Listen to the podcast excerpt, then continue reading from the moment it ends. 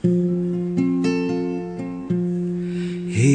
ini adalah kesempatan. Hidup ini untuk melayani Tuhan. Jangan sia-siakan waktu yang Tuhan beri. Hidup ini harus jadi berkat Sahabat Fresh Juice di mana pun Anda berada Sesaat lagi kita akan mendengarkan Fresh Juice Jumat 9 Desember 2022 bersama Romo Antonius Raja Bana OMI dari Jakarta. Selamat mendengarkan.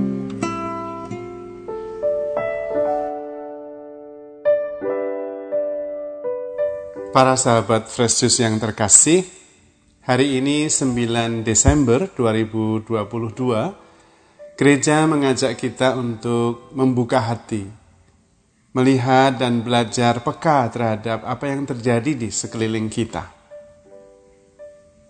Dalam kitab suci, Injil berpesan agar kita mendengarkan Yohanes Pembaptis maupun Tuhan Yesus. Mari kita mendengarkan bacaan Injil hari ini dan kita belajar terbuka untuk mengikuti kehendak Allah dalam hidup kita. Inilah Injil suci Yesus Kristus menurut Santo Matius. Dimuliakanlah Tuhan. Yesus berkata kepada orang banyak, "Dengan apakah akan kuumpamakan angkatan ini? Mereka itu seumpama anak-anak yang duduk di pasar dan berseru kepada teman-temannya, 'Kami meniup seruling bagimu, tetapi kalian tidak menari.' Kami menyanyikan kidung duka, tetapi kalian tidak berkabung. Sebab Yohanes Pembaptis datang, ia tidak makan dan tidak minum, dan mereka berkata, ia kerasukan setan. Kemudian anak manusia datang, ia makan dan minum, dan mereka berkata, lihatlah, seorang pelahap dan peminum, sahabat pemungut cukai, dan orang-orang berdosa. Tetapi hikmat Allah dibenarkan oleh perbuatannya. Demikianlah sabda Tuhan. Terpujilah Kristus. Para sahabat Fresh Juice yang terkasih, bacaan Injil hari ini mengajak kita untuk berani terlibat dan keterlibatan kita pertama-tama untuk ikut menciptakan suasana lebih baik. Secara garis besar umum, ikut mempersiapkan keselamatan bersama.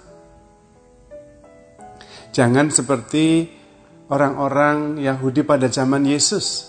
Mereka tidak peduli dan hanya berkomentar, tetapi tidak terlibat.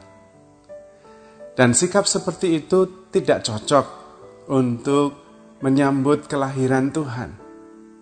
Kita diminta berjaga-jaga. Berjaga-jaganya justru dengan membuka hati, membuka telinga untuk menjadi lebih peka terhadap situasi di sekitar.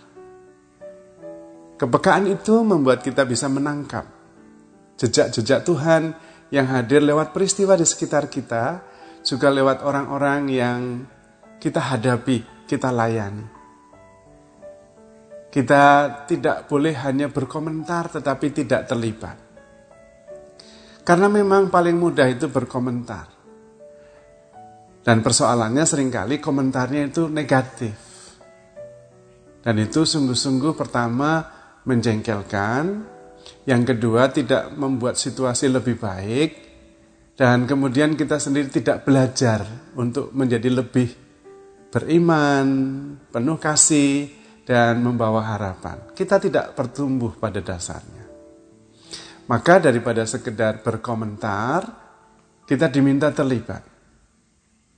Mengasihi pada dasarnya adalah terlibat. untuk berjuang bersama, berjalan bersama, menjadi pribadi lebih baik, menjadikan orang lain juga lebih baik. Bertumbuh bersama menciptakan relasi yang lebih baik, suasana yang lebih bagus. Dan keterlibatan itu mengajar kepada kita banyak hal tentang kesabaran, tentang ketekunan, tentang kepedulian, dan di situ kelihatan apakah kita sungguh-sungguh mengasihi atau tidak. Karena mengasihi pertama-tama harus berani terlibat. Jangan hanya berkomentar. Dengan terlibat itu, kita sungguh-sungguh bisa merasakan, kita sungguh-sungguh bisa berempati, kita bahkan juga bisa meringankan penderitaan sesama kita lewat keterlibatan kita. Jangan seperti orang bangsa Yahudi zaman Yesus.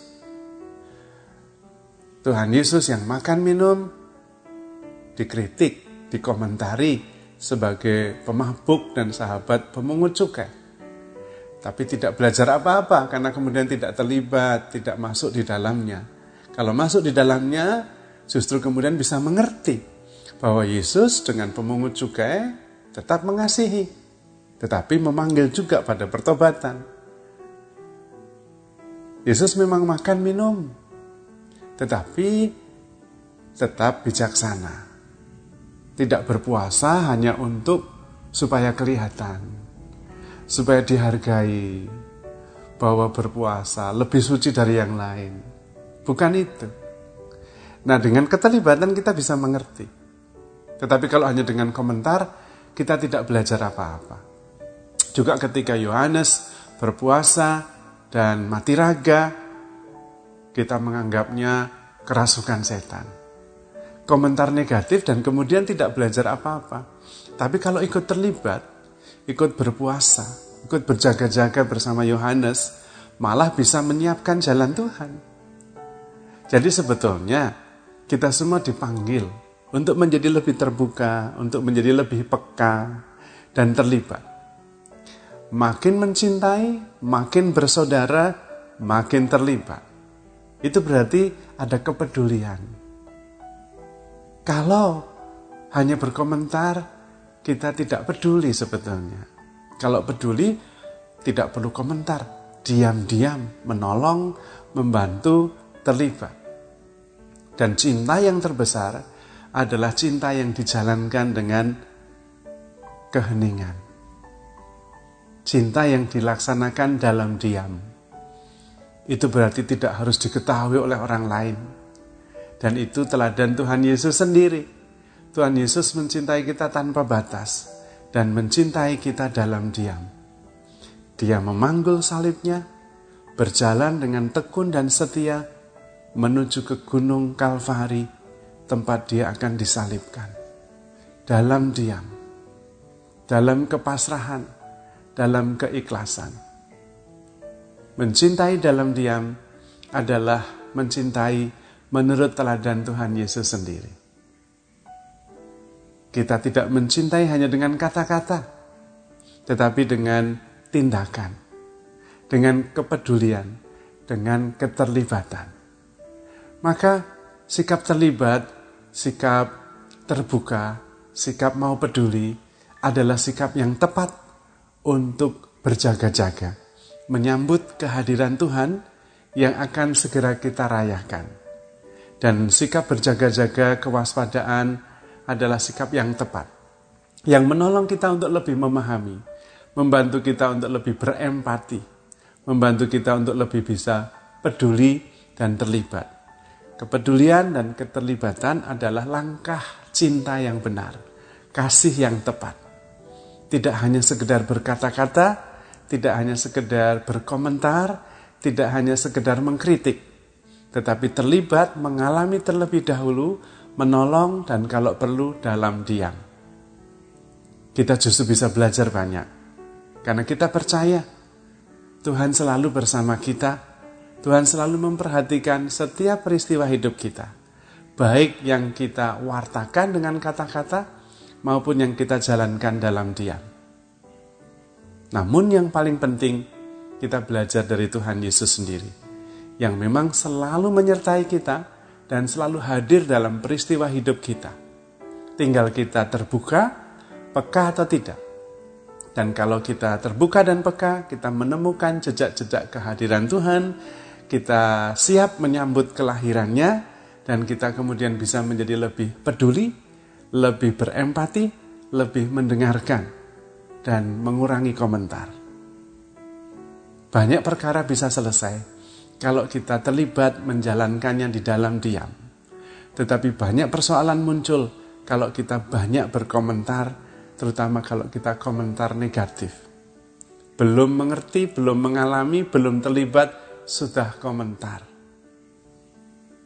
Kita akhirnya tidak belajar apa-apa.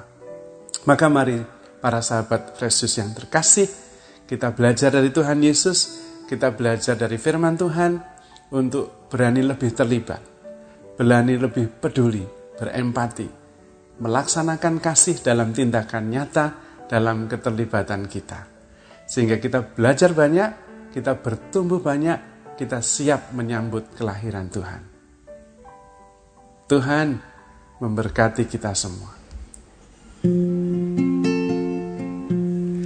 Hidup ini adalah kesempatan. Hidup ini untuk melayani Tuhan. Jangan sia-siakan waktu yang Tuhan beri. Hidup ini harus jadi berkat. Sahabat Fresh Juice, kita baru saja mendengarkan Fresh Juice Jumat 9 Desember 2022. Terima kasih kepada Romo Antonius Raja Bana untuk renungannya pada hari ini. Sampai berjumpa kembali dalam Fresh Juice edisi selanjutnya. Jaga kesehatan dan salam fresh juice. Oh Tuhan, pakailah hidupku selagi aku masih kuat.